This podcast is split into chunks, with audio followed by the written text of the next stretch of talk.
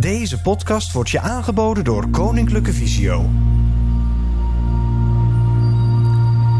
We staan hier op de Arendstraat 1A in Sittard voor het Visio-gebouw.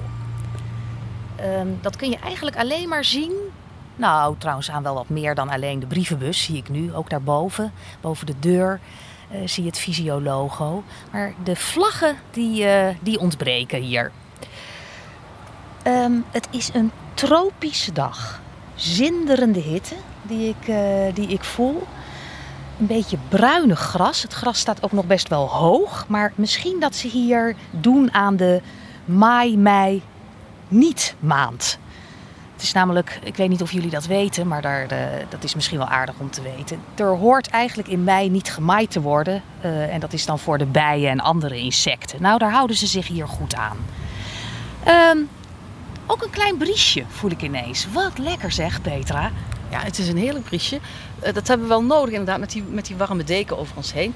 Maar Mieke, ik zie ook die boterbloemen inderdaad, wat jij zegt. En die madeliefjes die hier eh, heel mooi groeien in het gras. Dus inderdaad een, ehm, een, een, een, een mooie plek om hier aan te komen.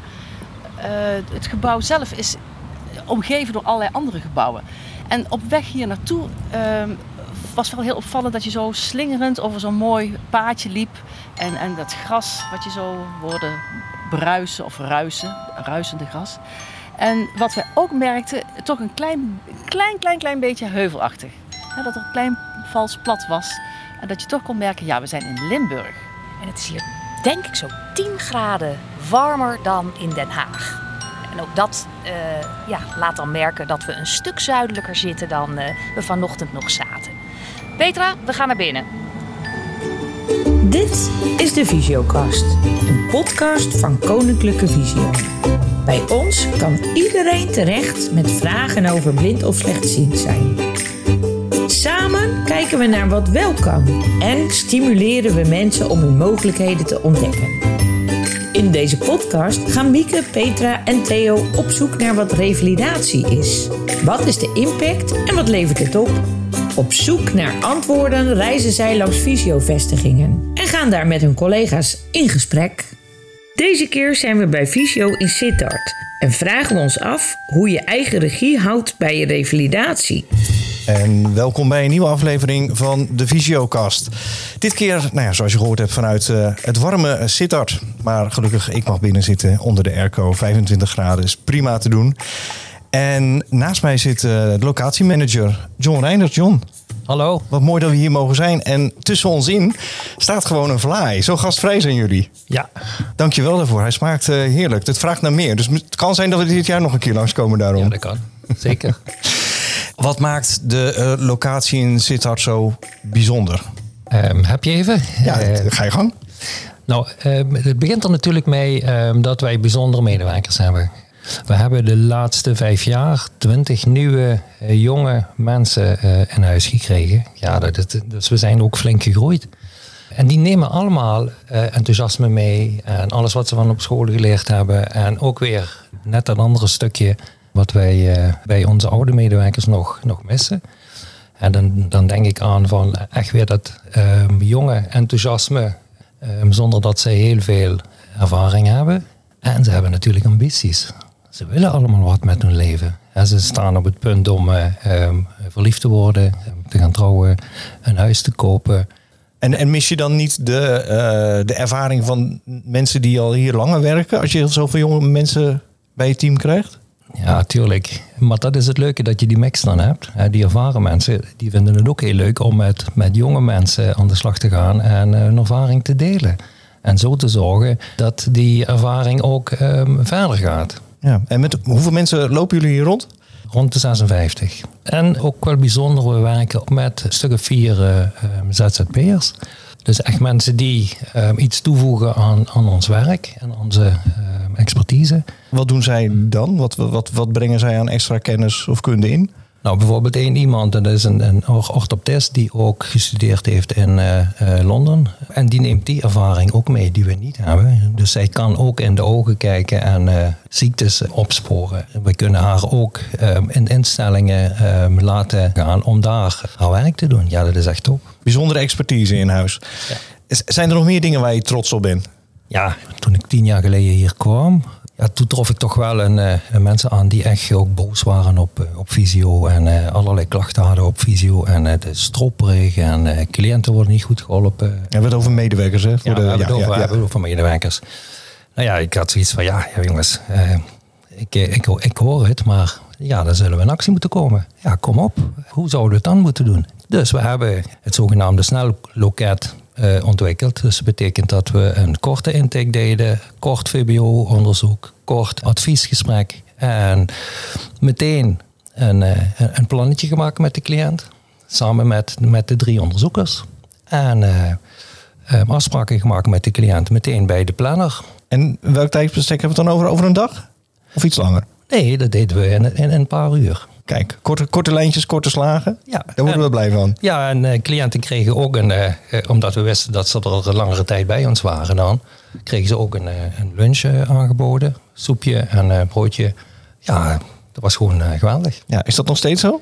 Ja, Ja, voor de mensen hier uit de buurt, want als mensen in Groningen luisteren, die kunnen gewoon naar de locatie in Haren of Leeuwarden of Hogeveen. Maar Ja, het bijzondere Ja. is dat het nog steeds is. Alleen ik vind nu een andere naam. We hebben het eh, moeten onderduwen in, eh, in, in onze processen. Dus nu heet het ZP6. What's in the name? ja, Als, als ik snel loket zeg, dan weet iedereen wat we bedoelen. dit dekt mooi de lading, denk ik. Ja. Zijn er nog meer dingen waarvan je zegt van nou, Ja. daarvoor moet je echt in Sittard zijn? Wat we steeds merken is dat cliënten bij ons ehm, verbale zorg kregen. Ja, en wat, bedoel je dan precies met verbale zorg? Nou ja, verbaal betekent hier naar het kantoor komen, een gesprek hebben en in dat gesprek weer ehm, het volgende gesprek en dan nog een gesprek. En we hadden zoiets van, mensen moeten in beweging komen. Sowieso vind ik dat onze doelgroep te weinig beweging, letterlijk, krijgt. Dus betekent dat we letterlijk ook met ze zijn gaan wandelen. We hebben groepjes gevormd en zijn gaan wandelen. Nou, en vandaar is ook het idee gekomen van we gaan een wandelweek organiseren. We gaan van hotelletje naar hotelletje lopen. En ja, dat is echt top. Dat is echt geweldig. Dat kan me voorstellen, want dan krijg je natuurlijk heel andere gesprekken als dat je tegenover elkaar zit aan een bureau. Ja, dan krijg je hele andere gesprekken. En mensen zeiden ook daarna, want ik, ik mocht dan altijd bij het laatste diner mocht ik aanschuiven en de verhalen opslokken. Ja, dat was echt top. Wat ik dan te horen kreeg, zo van ja John, ik ben hier een jaar eh, elke week geweest voor gesprekken. Maar wat ik hier in een week geleerd heb, ja, ja dat, dat, dat, dat krijg ik nergens meer. Wauw, mooi. Je moet je je voorstellen, er is een vrouw hier kort in de buurt. Die woont hier in Limburg, dus een dorp verder. Ehm, en zij kwam altijd met de taxi hier naartoe. Ehm, en ze heeft die week meegemaakt. En in die week kwam ze erachter van... als ik die stok ga gebruiken, dan ben ik veel mobieler.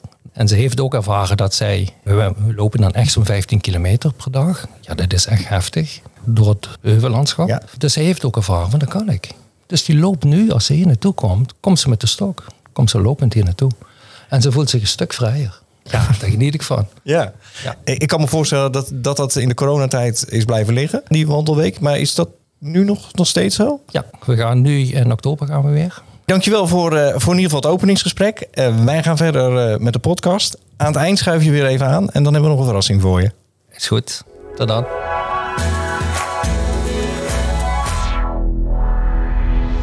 En terwijl John de ruimte verlaat, zijn Mieke en Petra aangeschoven. En dan gaan we beginnen met de Visiokast. En het onderwerp van dit keer is het stellen van prioriteiten. Eigen regie. Wat wil ik? Wat is urgent? Wat moet als eerst gebeuren? Wat vind ik nou echt belangrijk? Nou, Mieke, kom ik toch altijd als eerste wel weer bij jou uit. Ja, natuurlijk. Jij bent het etymologisch woordenboek eh, ingedoken. Ik ben daar niet eh, van los te weken, laat ik het zo eh, zeggen. Ja, wat kom je dan tegen? Prioriteit. Dan kom ik bij het Franse priorité. En van daaruit kom ik bij het middeleeuws Latijn prioritatem. Wat de vierde naamval is van prioritas. En dat is weer afkomstig van prior. En dat betekent eerder. Even samenvattend. Wat belangrijk is, moet eerst. En prioriteiten stellen is dus keuzes maken. En dat lukt alleen wanneer je overzicht en inzicht hebt in de mogelijkheden die er zijn. Nou, klinkt helder. De stam van eerder in prioriteit had ik niet zo snel bedacht, maar wel, eh, wel mooi.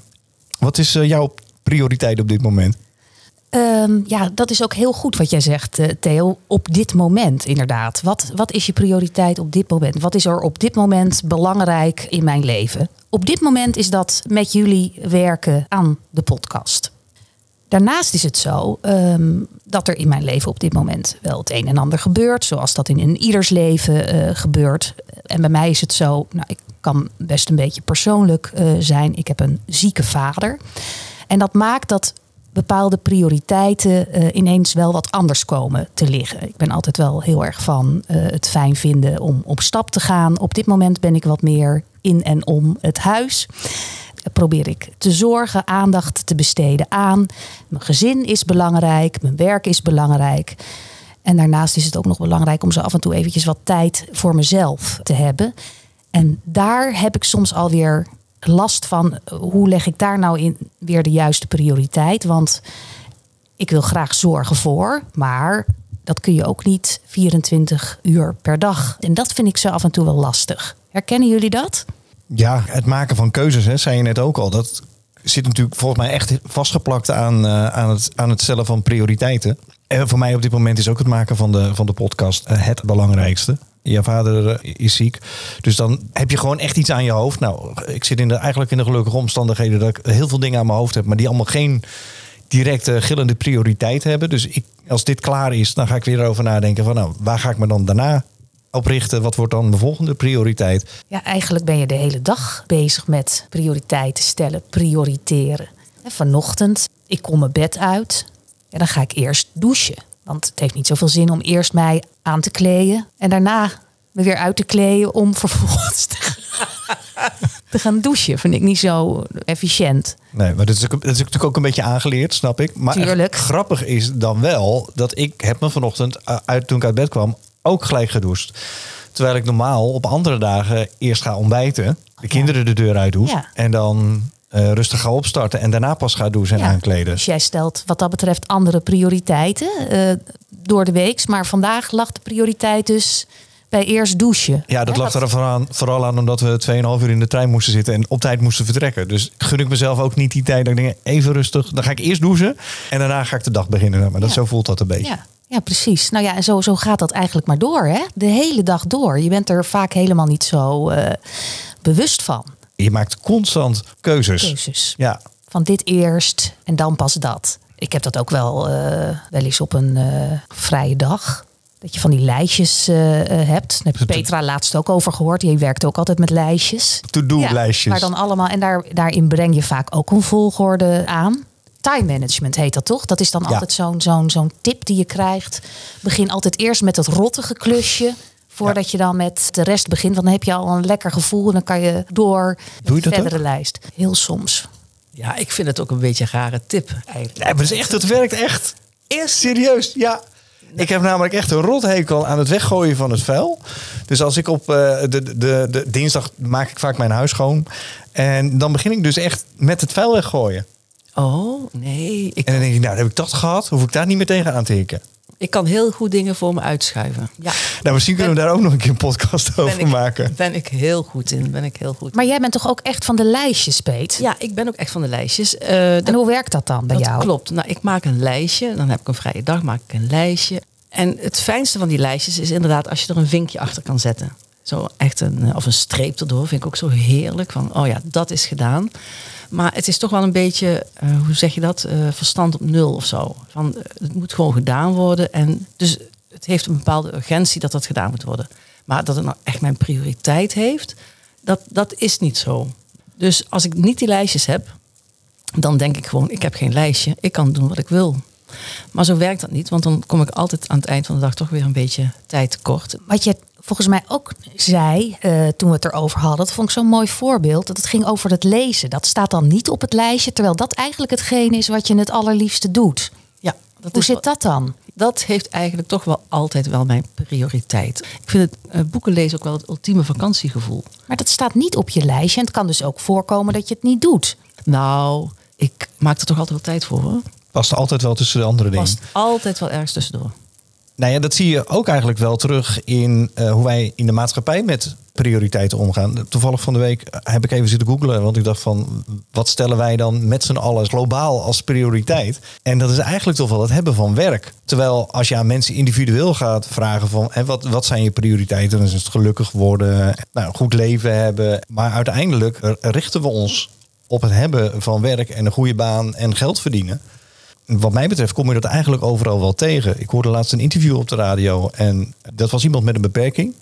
En die werd voorgesteld aan de hand van zijn beperking. En niet voor wat hij deed. Hij was kunstenaar volgens mij.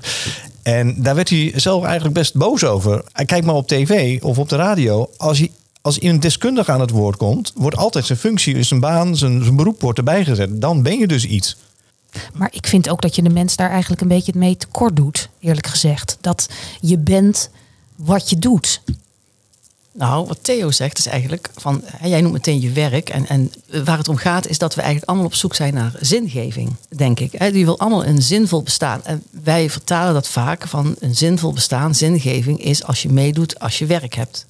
Dus wij denken dat dat prioriteit heeft. En ik denk precies dat je daar de vinger op de zere plek legt. Dus als je dus iets doet voor jezelf, of wat je leuk vindt, of dat je hè, dus niet op zo'n lijstje van ik moet dit, ik moet dat doen, maar iets doet wat je zelf, waar je zelf plezier aan beleeft, dan vraag je je af: is dit wel zinvol? Of wat draag ik daartoe bij?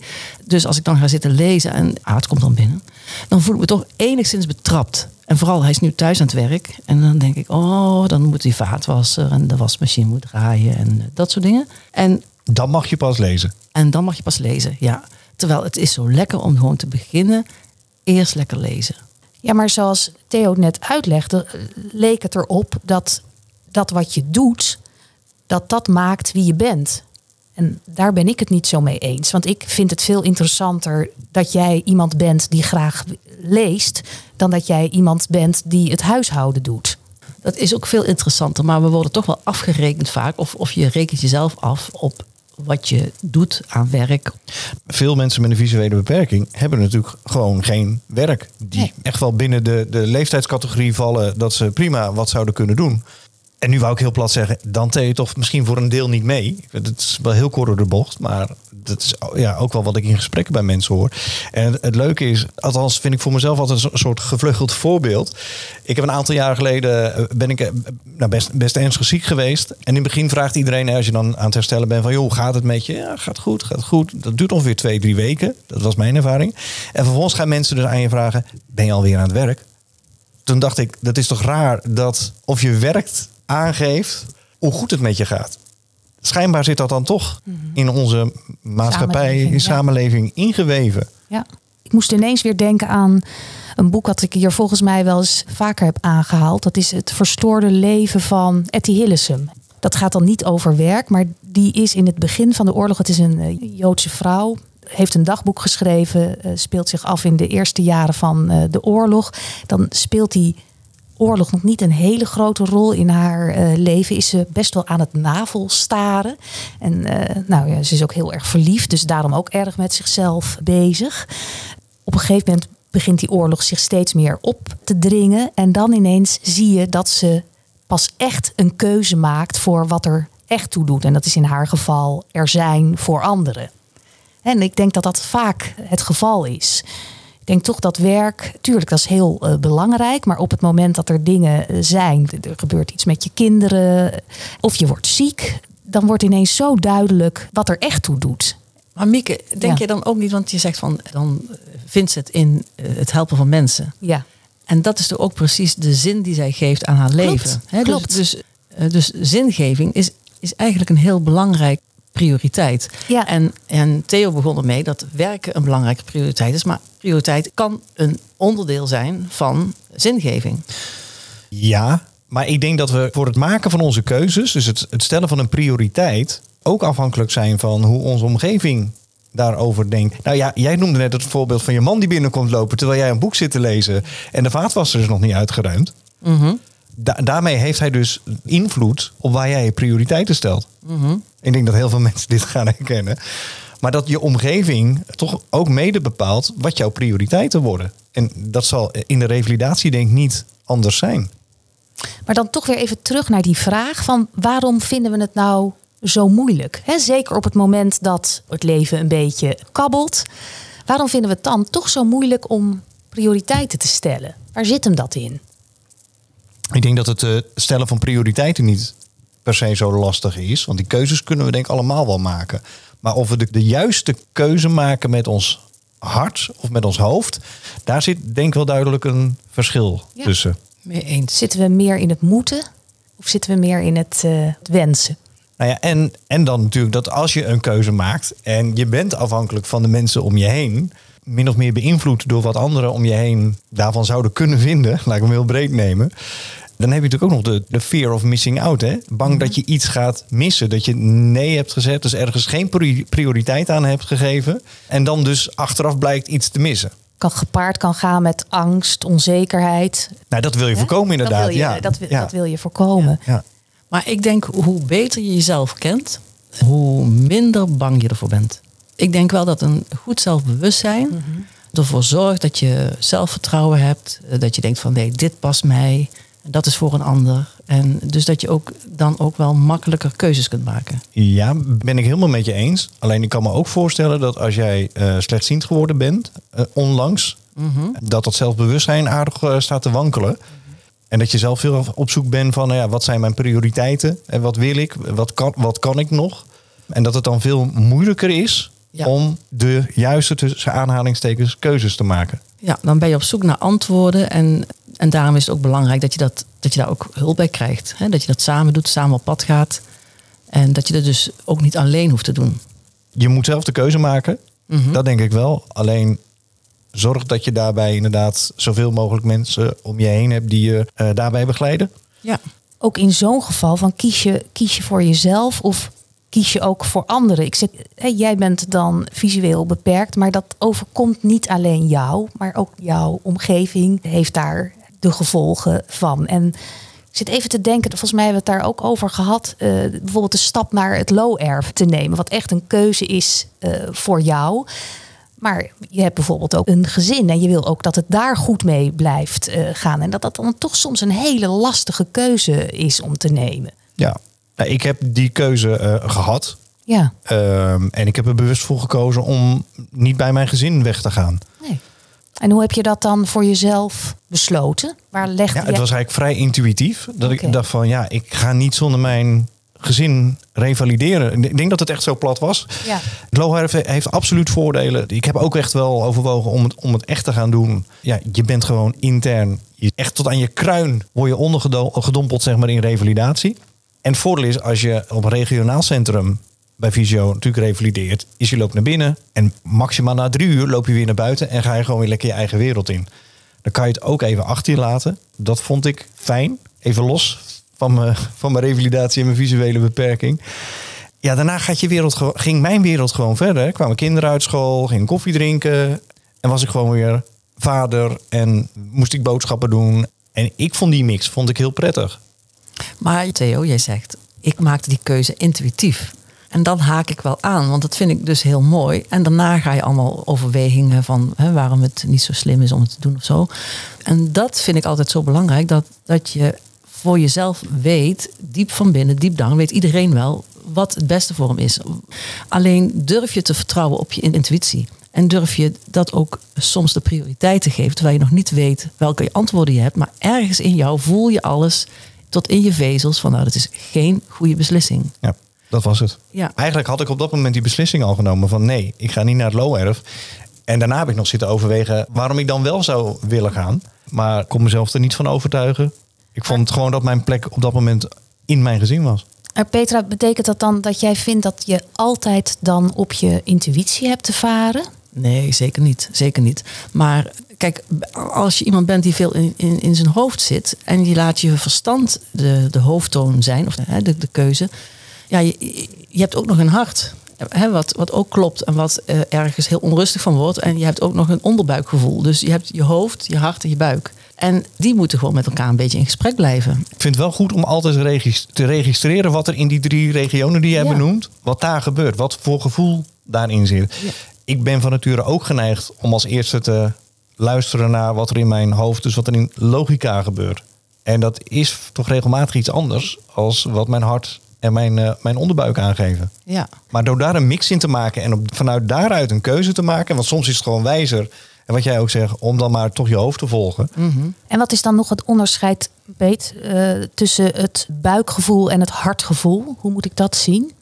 Ja, dat, dat is wel nauw met elkaar verbonden. Maar je Mhm. hart is wel waar je eh, je passie, waar je ergens warm voor loopt. Wat, eh, dat staat te trappelen. Weet je wel? Mhm. Van, eh, dat, wil ik, dat, dat, dat wil je graag gaan doen. En je, onderbuikgevoel, dat is eigenlijk een, ook je wil. En eh, ja, ik, ik weet ook eigenlijk niet. Dat is het onderbuikgevoel. Ja, is- dat is heel lastig te verklaren, maar dat is echt het gevoel wat in je onderbuik zit. En soms is dat spanning, Ja, eh, soms borrelt het daar. ja, dan voel je van, nou, dit is niet oké. Dit voelt aan alle kanten dat ik ergens ingeduwd word waar ik helemaal niet wil zijn. Maar dat hoeft dus ook niet altijd een goede raadgever te zijn. Nee, zeker niet. Zeker niet. Want het kan ook angsten zijn. En het kan ook zijn dat je iets vermijdt. Hè, dat je denkt van, oh ja, maar ik ben nu aan het vermijden. En dan kan je hoofd zeggen van, joh, kom op. we- Ik help je wel. Geef me een hand. We doen het samen. Ja, ik vind het voor raadgever heel mooi. hè. Dus je hebt drie raadgevers Ja. in je lichaam zitten. Ja, en die moet je in, in, in overeenstemming met elkaar zien te krijgen. Ja, en soms lukt dat niet. En dan maak je een keuze. En achteraf zou je dan zelfs nog kunnen zeggen... nou, dit was niet helemaal de juiste keuze. Maar ik denk dat je op dat moment wel alles eraan gedaan hebt... om een afgewogen keuze te maken. En ja, dat is het dan ook. Je kan één keer kiezen, klaar. Ja, ik, ik denk ook wel, Mieke, wat je zegt van dat het daarom goed is dat je jezelf een beetje leert kennen. Want als jij weet dat bijvoorbeeld nieuwe stappen je altijd een beetje zenuwachtig maken, je onzeker maken, dat, dat je op een gegeven moment dat weet en dat je dan ook weet van, oh, dat komt ook weer goed. Je moet ook even weer eh, die stap maken en dan, dan helpt het je ook weer verder. Het is inderdaad dat verstand die jou er dan doorheen sleept, omdat die weet, het is spannend, je bent even zenuwachtig, maar het komt ook wel weer goed. Deze vragen over prioriteit hebben we natuurlijk ook gesteld aan onze ervaringsdeskundigen. Toen ik de eerste keer eh, verwezen werd naar Visio, heb ik in eerste instantie daar eh, niet op gereageerd. De tweede keer toen de oogspecialist zei waarom ik dat niet gedaan had, eh, werd me steeds duidelijker dat dat inderdaad een, positieve en heilzame toevoeging aan mijn slechtziendheid zou zijn. Dus vanaf dat moment heb ik contact met Visio gehad. Het was voor mij eigenlijk in eerste instantie heel erg duidelijk wat ik het eerst wilde aanpakken in mijn eerste revalidatieperiode, omdat ik toen vooral vastliep in mobiliteit en aanpassingen op het werk. Daar had ik zelf ook wel hele duidelijke hulpvragen over. Sowieso het leren lopen met een tasstok. En ook van welke hulpmiddelen kan ik inzetten om mijn werk te blijven doen. En daarnaast was voor mij ook een hele belangrijke nou ja, hulpvraag. Wat, wat kan ik doen als vrije tijdsbesteding en als hobby? Dus dat, dat waren voor mij in 2018 ook wel de belangrijkste dingen die ik wilde aanpakken. En ook wel eh, de overstap van vergrotingsprogramma naar veel meer met spraak leren werken. Eén ding was er waar ik tegenop zag en wat mij ook niet verder hielp. En dat was het leren van braille. Nou, dat heb ik besproken met de trajectbegeleider. En daarna is besloten om daarmee te stoppen. In mijn geval had dat weinig zin. Op het moment dat ik slechter ging zien, was het gelijk duidelijk waarbij ik hulp kon gebruiken. Ik heb ook niet het gevoel gehad dat ik een verkeerde keuze qua hulpvraag heb gemaakt. Alleen het punt hulp vragen was lastig voor mij en heeft ook even geduurd. Ik dacht heel lang, ik kan het nog wel alleen, zonder hulp. Maar toen ik steeds slechter ging zien en nu maatschappelijk blind ben, ben ik heel blij dat ik toch de hulp heb gevraagd en geaccepteerd.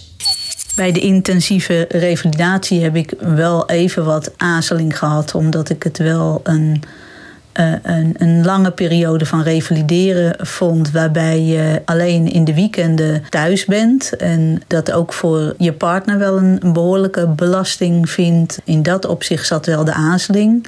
Al heb ik wel getwijfeld over ehm, het leren van braille, want dat kwam uiteindelijk wel uit de observatieweek. Dat zag ik zelf nog niet zo zitten, omdat ik dacht: als ik braille ga leren, dan moet ik dat ook wel gewoon gaan gebruiken. Want anders dan ben ik dat heel snel weer kwijt. En dat heb ik uiteindelijk met iemand van het LORF overlegd. En ik heb ook nog dat nagevraagd bij mensen die al langer met braille werken. Dat hebben we toen in overleg uh, dus niet gedaan. Mijn hoofddoelen waren wel duidelijk op het LORF. Ik zou computertraining gaan volgen, braillelessen en mobiliteitslessen. Dit waren mijn hoofddoelen. En toch liet ik me verleiden tijdens de intake om een heleboel andere dingen ook te willen volgen. In mijn enthousiasme koos ik eigenlijk voor te veel vakken.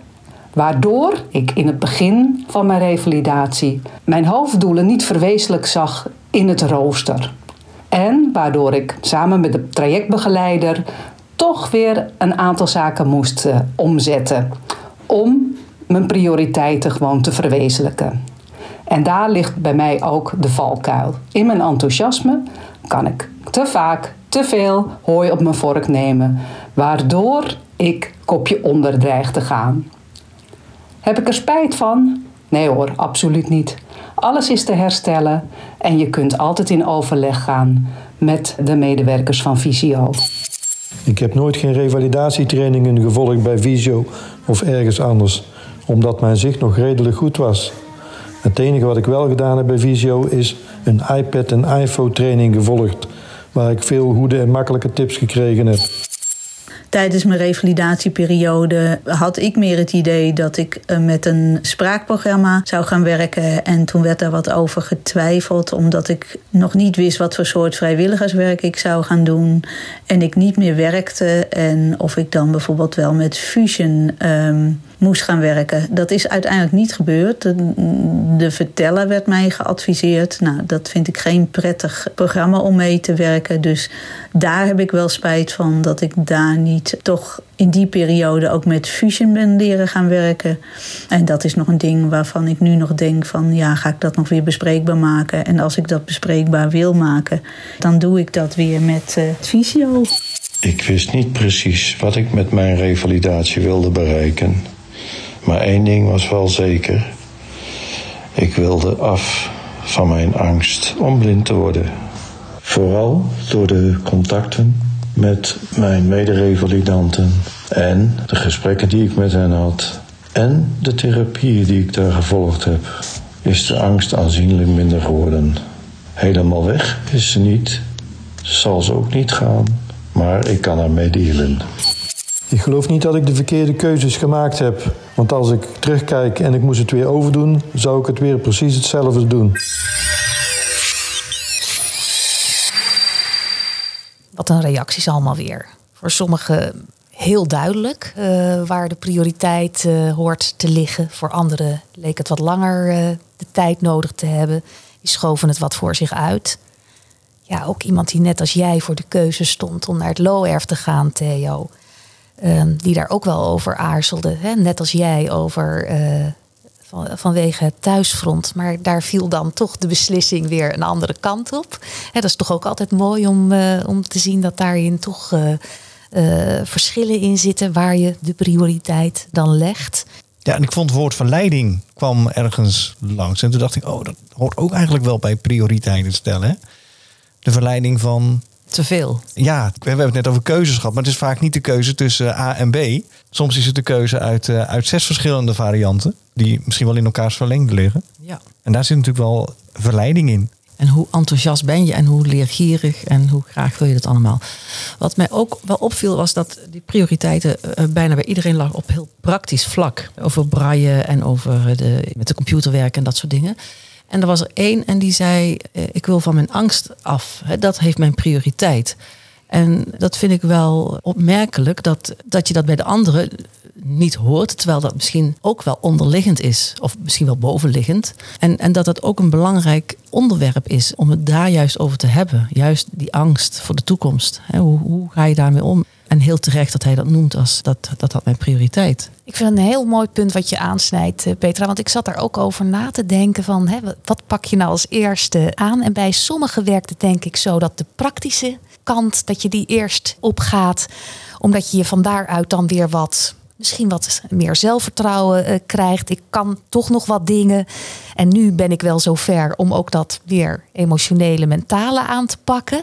En bij anderen werkt het juist net andersom, denk ik. Ik vond het daarom ook wel heel eerlijk en open dat hij dat zo Ja. zei. Want hij maakt zichzelf ook, of hij stelt zich wel heel kwetsbaar op. Hè, om dat meteen als eerste te noemen. We benoemden net zeg maar, die raadgevers, hè, de onderbuik, het hart en het hoofd. Volgens mij komt dit uit de onderbuik en het hart vandaan. Mhm. En vervolgens komt dat, dus, eh, ja, komt dat dus aan zeg maar, bij je hoofd en ga je dat beredeneren. En dan registreer je dat als angst. En ik vind het echt heel knap en ook met bewondering dat je daar dus iets mee wil. Dat je denkt, ik wil van mijn angst af. Ja. Dat is wel een knop die je echt om moet zetten. En dat je dat dus, dus ook als hulpvraag durft te stellen. Help me daarbij. Want het klinkt ook wel een soort van logisch dat je angst hebt Ja. daarvoor. Ik denk dat van alle cliënten dat angst vaak ook aanwezig is, maar dat het niet altijd als eerste wordt genoemd. Als je weet dat je steeds slechter gaat zien, van ja, hoe dan? Misschien wel de eerste hobbel, daar stappen we overheen. Ja. De angst die je daarmee voortstuwt. En uit die angst komt dan misschien, eh, dat benoem je dan nog niet, maar in plaats daarvan richt je je misschien op allerlei praktische middelen. Ja, ik wou bijna zeggen labmiddelen. Dat is Ja. heel oneerbiedig. Nee, maar het nee, nee, nee. Want doet je, ook wat. Tuurlijk is het zo. Maar dat je eigenlijk eh, onbewust toch probeert om het heel praktisch allemaal een beetje op te lossen. Ja. Terwijl je daar denk ik de angst niet mee weghaalt. Hè? De angst om blind ja, te worden. Dat, dat vraagt me dus een beetje af. Het kan wel net even misschien wat meer stevigheid geven, waardoor je misschien vervolgens wel in staat bent om de wat dieper liggende angst in dit geval naar voren te brengen. Ja. Nog iets anders, wat ik ook wel mooi vond, was die mevrouw in het low erf, die dus dat stuk over de verleiding waar je het net over, eh, over had. En die ook aangaf van nou, misschien toch niet helemaal goed gedaan, maar je hebt altijd ook de, de mogelijkheid het nog te herstellen. Dat je het soms ook gewoon niet zo al te zwaar eh, moet nemen. Er zijn natuurlijk momenten dat het er wel echt op aankomt, maar heel vaak maakt het ook weer niet zoveel uit of je nou voor het een of het ander kiest. Ook een foute keuze, en wat is een foute keuze, kan weer tot nieuwe inzichten leiden. Zeker. En wat ik nog een mooie vond, eh, dat op het moment dat je het moeilijk vindt om prioriteiten te stellen, dan kun je ook die vraag bespreekbaar maken. Vond ik ook een mooie. Dat gebeurde volgens mij bij een cliënt die zo'n braille-vraag eh, had en daar al bij een idee bij had van, hmm, is dat nou wel wat voor mij? En die uiteindelijk door dat eh, met iemand van Visio te bespreken, wel duidelijk kreeg. Je kan het altijd in de groep gooien en met elkaar het verder uitdiepen en dan tot een conclusie komen, denk ik. Wil je reageren op deze aflevering? Stuur dan een mailtje naar visiocast.visio.org. Bij ons aangeschoven is Ralf Habets. Hij is ervaringsprofessional en werkzaam bij Visio als adviesmedewerker. Ja, goedemiddag. Onderwerp van vandaag is het stellen van prioriteiten. Hoe ga jij daarmee om? Eigenlijk op dit moment eh, volop in zoektocht. Ik eh, ben inmiddels nu 21 jaar werkzaam bij, eh, bij Koninklijke Visio in diverse functies. En ik ben nu eigenlijk vooral voor mezelf aan het kijken, ja, waar leg ik nu mijn prioriteiten? Die hebben de laatste 21 jaar heel erg gelegen bij werk. De ontwikkeling van mezelf, ja, men noemt het ook wel carrière. Van wat wil ik, wat kan ik bij Visio? En ik begin nu te merken, nu ik zelf ook wat ouder word, dat ik mijn prioriteiten wat ga verschuiven. En eh, denk van ja, jongens, er is meer mogelijk in het leven dan alleen maar werken. Ik heb altijd ja, fulltime gewerkt. Dat is best een belasting. Ik ben sinds 14 jaar nu volledig blind. Daarvoor ben ik zeer slechtziend geweest.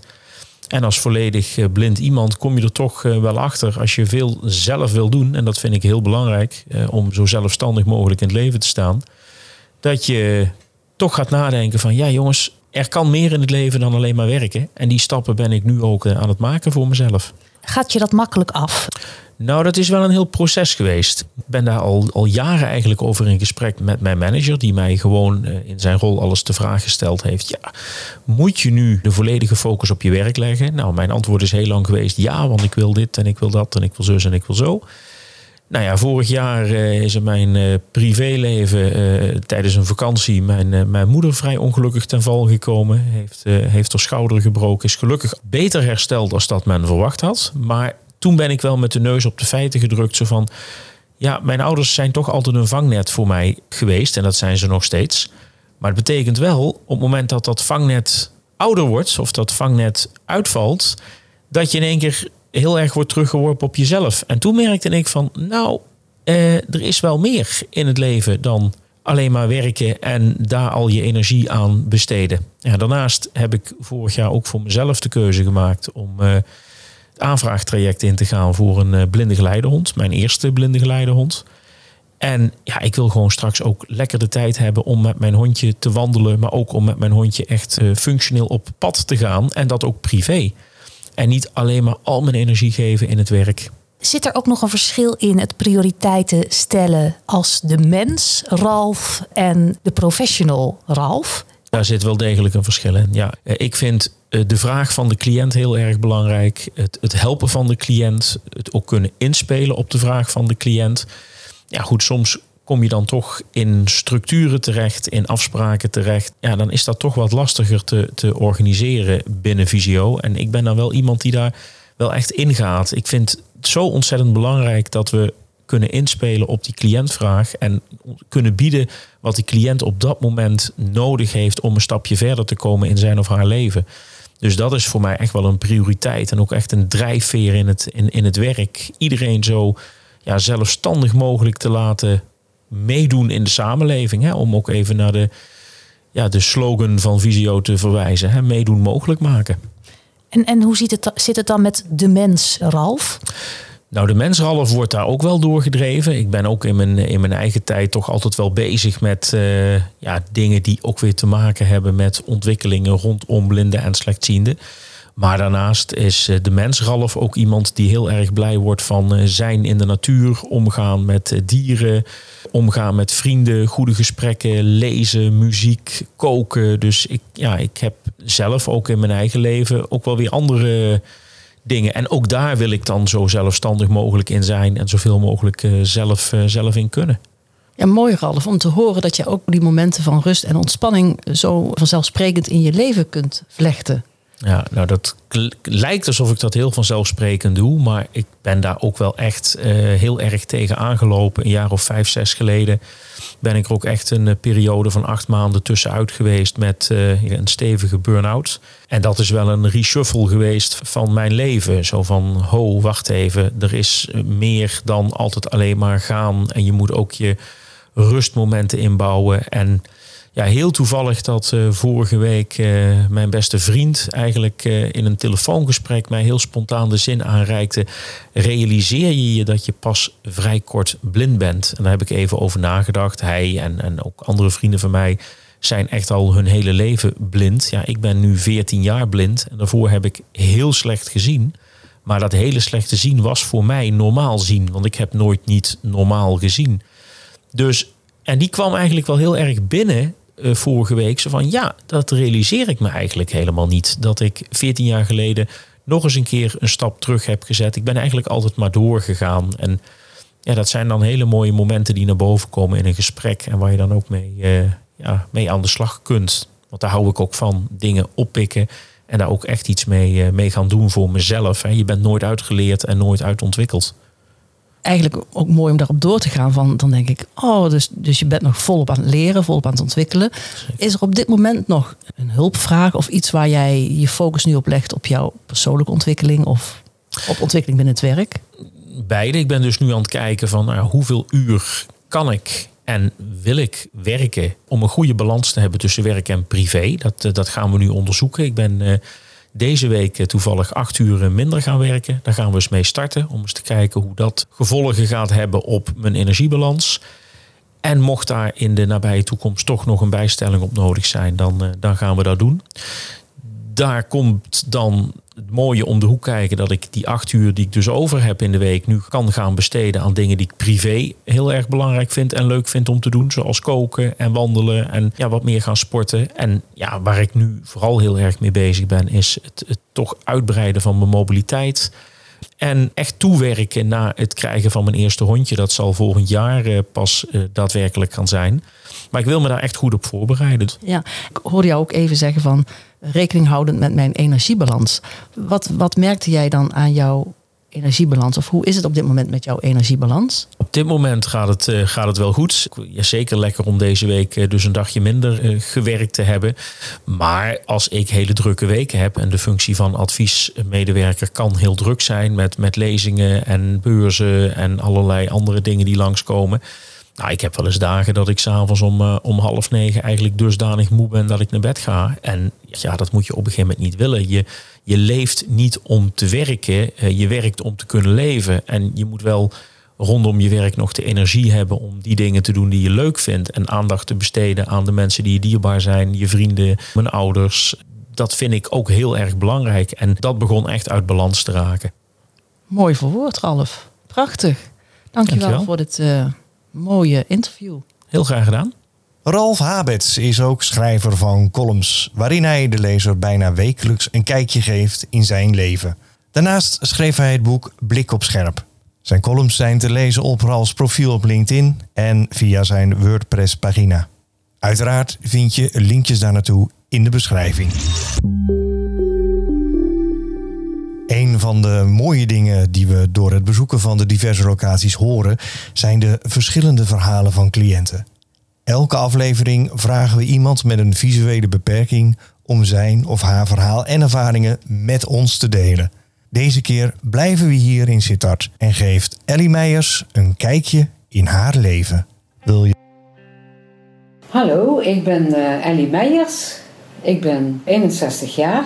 Ik woon in Sittard. Een heerlijk appartement, lekker dicht bij de stad. Ik heb één huisdier, maar het is ook het mooiste wat ik bezit. Dat is mijn lieve geleidehond Jills. Mijn levensmotto is: mens durft te leven. Ik ben altijd slechtziend geweest. Alleen nu ben ik sinds twee jaar volledig blind. Ik vind het het ergste dat ik geen kleuren meer kan zien. Ik kan niet meer zien wat er om me heen gebeurt. En ik kan mijn lieve hond niet meer in de ogen kijken. Dat vind ik heel moeilijk. Ik heb dus mijn lieve Jills als geleidehond, als hulpmiddel. Ik heb een gesproken weegschaal. Die ligt altijd. ik heb um, een keukenweegschaal waar ik heel blij mee ben. Want ik kook helemaal zelf, doe alles zelf thuis. Ik heb in ieder geval heel wat hulpmiddelen, zodat ik me toch heel goed kan redden. En ik heb ook wel eens hulp van vrienden en kennissen. Maar ik probeer toch zoveel mogelijk zelf te doen. Het is natuurlijk omdat ik blind ben, nu twee jaar, is het soms moeilijk om mee te leven. Maar van de andere kant vind ik het wel heel fijn dat ik hier in Nederland woon. Want ik heb heel veel voorzieningen. Er zijn voorzieningen genoeg. Waardoor wij heel goed kunnen anticiperen naar de, gewone wereld. Ik had niet echt toekomststromen, want ja, dat was gewoon moeilijk met een slechtziendheid. Maar wat ik nu wel doe, daar ben ik heel blij mee. Ik ben uh, rouwverwerkingscoach voor mensen die een dier moeten verliezen. En dat doe ik bij een dierenartsenpraktijk. Ik ga er ook een opleiding voor volgen. En mijn passie is zingen. Ik zit ook in twee koren, ik zit in een close harmony groep. Wat ik heel fijn vind, waar ik ook trots op ben, is dat ik goed kan luisteren. Dus ik kan de kleine lettertjes heel goed horen. Ik ben trots op mijn uh, doorzettingsvermogen. Zonder dat zou ik niet staan waar ik nu sta. Mijn kracht put ik ook min of meer uit mijn geloof, maar ook uit het positieve denken. Ik wil positief blijven denken, ondanks dat het toch wel heel vaak moeilijk is om helemaal niks meer te zien. Maar toch zie ik het leven positief. Ik geef het leven, als het goed gaat, een 8. Als het iets minder goed gaat, bijvoorbeeld als ik iets kwijt ben en ik ben aan het zoeken, en ik vind het maar niet, dan geef ik het wel eens een vijf. Want dan denk ik, shit, waar heb ik dat nou gelegd en waar ligt dat nou? Gewoon, je raakt gauw in paniek van, waar heb ik nou alles neergelegd? Ik ben een chaot van origine, dus als je blind bent is dat niet zo handig. Nou, dat uh, ben ik dus nu aan het leren om dat goed te krijgen. Wat ik andere mensen met een visuele beperking wil meegeven is, ga je niet vergelijken met een ander. Doe wat je zelf kan. Ga niet zeggen van, ja, maar die blinde kan dat ook, waarom zou ik dat dan niet? Nee, jij bent een individu. Jij bent met je blindheid die je bent. Iedereen heeft zijn eigen talenten en zijn eigen dingen die wel goed kunnen. Dat wil ik vooral meegeven. Wil je reageren? op deze woorden van Ellie, dan kan dat. Stuur een berichtje naar visiocast.visio.org. Dan zorgen wij dat jouw berichtje bij Ellie komt.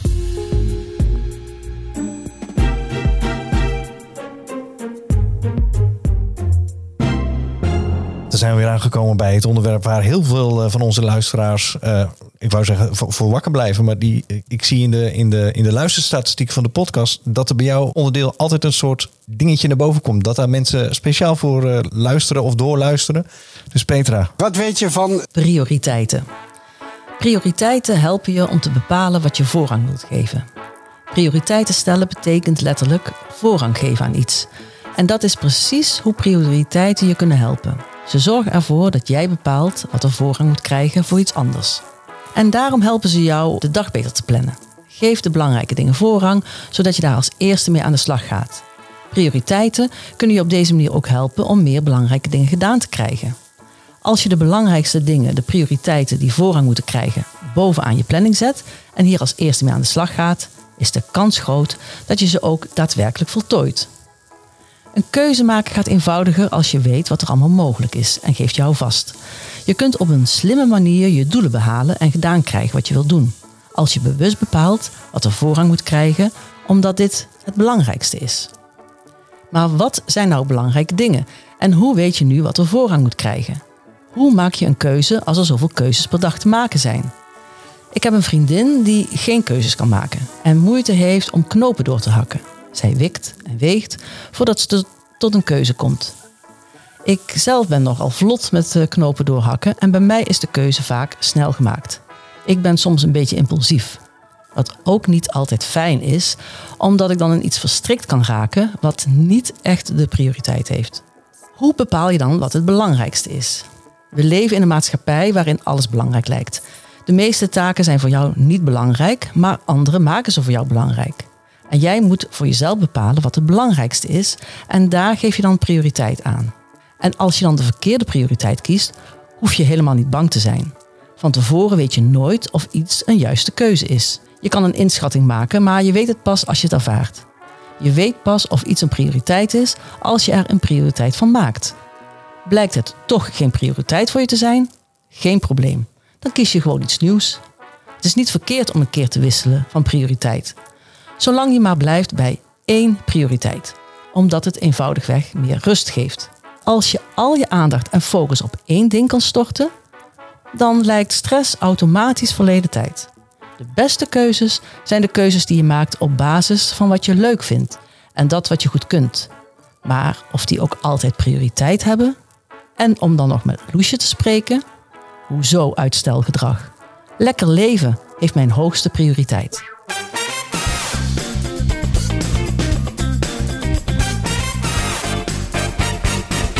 Dankjewel, Petra. En daarmee schuiven we een beetje naar het einde van de podcast. En Mieke, we hebben heel veel dingen besproken. Hoe zouden we dat een beetje compact kunnen samenvatten? Ja, wat ik een beetje vaststel, Theo, is dat wil je goed prioriteiten kunnen stellen, dat twee vragen eigenlijk belangrijk zijn. Wat is belangrijk voor mij? Wat is essentieel voor mijn functioneren? En hoe dringend is het?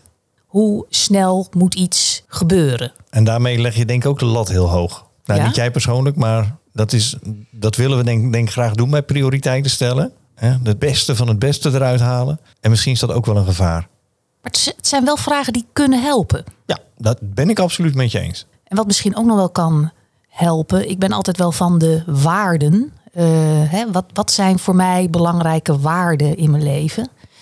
En uh, dat je bij wijze van spreken een top 5 maakt. En aan de hand daarvan bekijkt van in hoeverre komen de keuzes die ik heb overeen met de waarden die ik belangrijk vind. En betrek ook je omgeving erbij. Hè? De, de, de mensen die om je heen wonen en leven. Ja, betrek die bij, bij je beeldvorming van waar je prioriteiten voor gaat stellen. Ik denk dat dat, dat dat heel belangrijk is, dat je ook die groep meeneemt. Dat het niet zo'n intern uh, proces wordt, bedoel je? Nee, nee, dat het niet van die dingen zijn waar je s'nachts over ligt te piekeren omdat je niet kan slapen. En uh, ik denk dat je dat vooral moet zien te vermijden. Op het moment dat, dat de wijze les, ik denk, op het moment dat je s'nachts ligt te piekeren, dan moet je zeker hulp bij anderen gaan zoeken. Lijkt me een mooie slotsom. Ik zie eh, John binnenkomen en die gaat zitten. Petra. Nou, fijn eh, John dat je er weer bent aangeschoven. De vorige keer met de opname zijn wij in Leeuwarden geweest. En daar was de manager eh, Esther van den Berg. Die ehm, heeft je wat te zeggen. Hoi John en collega's en cliënten in het eh, uiterste zuiden van het land. Hier een eh, groet vanuit het Hoge Noorden, Leeuwarden. Hoe toevallig dat eh, het podcastteam van het Hoge Noorden nu naar het eh, verre zuiden gaat afreizen. Naar bezoek hier in Leeuwarden. Ik wil jullie eh, ook een tegeltjeswijsheid eh, meegeven. Het doorgeeftegeltje. eh, wat eh, zo meteen wordt aangeboden aan jullie. In Leeuwarden is het onderwerp eigenlijk alle mogelijkheden die er zijn bij Visio eh, komen aan bod. En dat eh, heeft ermee te maken dat wij binnen Visio ontzettend veel mogelijkheden hebben. Eh, maar dat we eh, vooral moeten blijven denken aan de eigen regie van de cliënt. En nu geef ik jou het tegeltje. En wil jij het voorlezen wat eh, Esther daarop heeft geschreven? Ja, Esther schrijft, eh, eigen regie, wie wil dat nu niet? Klopt wel, hè? Ik denk het wel. En nu snap je wel, want hier ligt nog een ander mooi tegeltje. Klaar, een blanco tegeltje. Aha, En John, zou jij hier ook een mooie wijsheid op willen schrijven, zodat wij die weer mee kunnen nemen naar Hogeveen? Dankjewel John voor je bijdrage vandaag. En eh, we hebben ervan genoten. Het was een hele fijne dag, een hele leerzame dag. Maar ook een heerlijke dag in het opzicht van de vlaaien die we hier hebben mogen proeven. Dat was heerlijk. Nou dank jullie wel. En ik hoop dat jullie eh, weer snel terugkomen. En eh, dan krijg je vast en zeker een andere vla van een lieve collega die het van me gaat overnemen, Whitney Peters. En die zal jullie dan ook weer verwelkomen. Dank jullie wel. En daarmee zijn we aan de laatste woorden gekomen voor deze aflevering in Sittard. Onze dank gaat uit naar de ervaringsdeskundigen Kees, Hans, John, Meta, Severin en Yvonne voor het delen van hun ervaringen. En verder werkte mee Ralf Habets, John Reinders, Ellie Meijers en onze collega's achter de schermen. Mieke, Petra en ik pakken de microfoons weer in. En volgende maand reizen we weer naar het noorden. En dan zijn we te gast bij onze collega's in Hogeveen. Daar gaan we het hebben over een ander aspect van de revalidatie. Hoe gaan jij en je naasten om met jouw revalidatie? Want vaak verandert revalidatie mensen. Maar doe je dat alleen? Of betrek je daar je omgeving bij? En hoe doe je dat? Heb je tips of tops voor ons? Dan willen we die graag van je horen. Dus mail naar visio.org. Heb je andere vragen aan Visio? Luister dan straks naar collega Yvonne, die je alle manieren om met ons in contact te komen vertelt. Leuk dat je geluisterd hebt en vanuit Sittard wensen we je alle goeds, een mooie zomer en tot de volgende Visiocast in september. Dit was de Visiocast. We zijn benieuwd naar je reactie en kijken uit naar je mailtje. Ons mailadres is visiocast.visio.org, waarbij je visio met een V van Victor en kast met de C van Claudia schrijft. Meer informatie over Visio vind je op visio.org of bel met 088 585 8585. Daar beantwoorden onze collega's je vragen of bespreek je met elkaar welke mogelijkheden er voor je zijn. Op het Visio Kennisportaal vind je informatie, tips en artikelen over uiteenlopende onderwerpen. Bezoek ons dag en nacht via kennisportaal.visio.org of bel tijdens kantooruren met de Kennisportaal Helpdesk op 088 585 5666 of mail naar kennisportaal.visio.org. Koninklijke Visio. Samen kijken naar wat wel kan.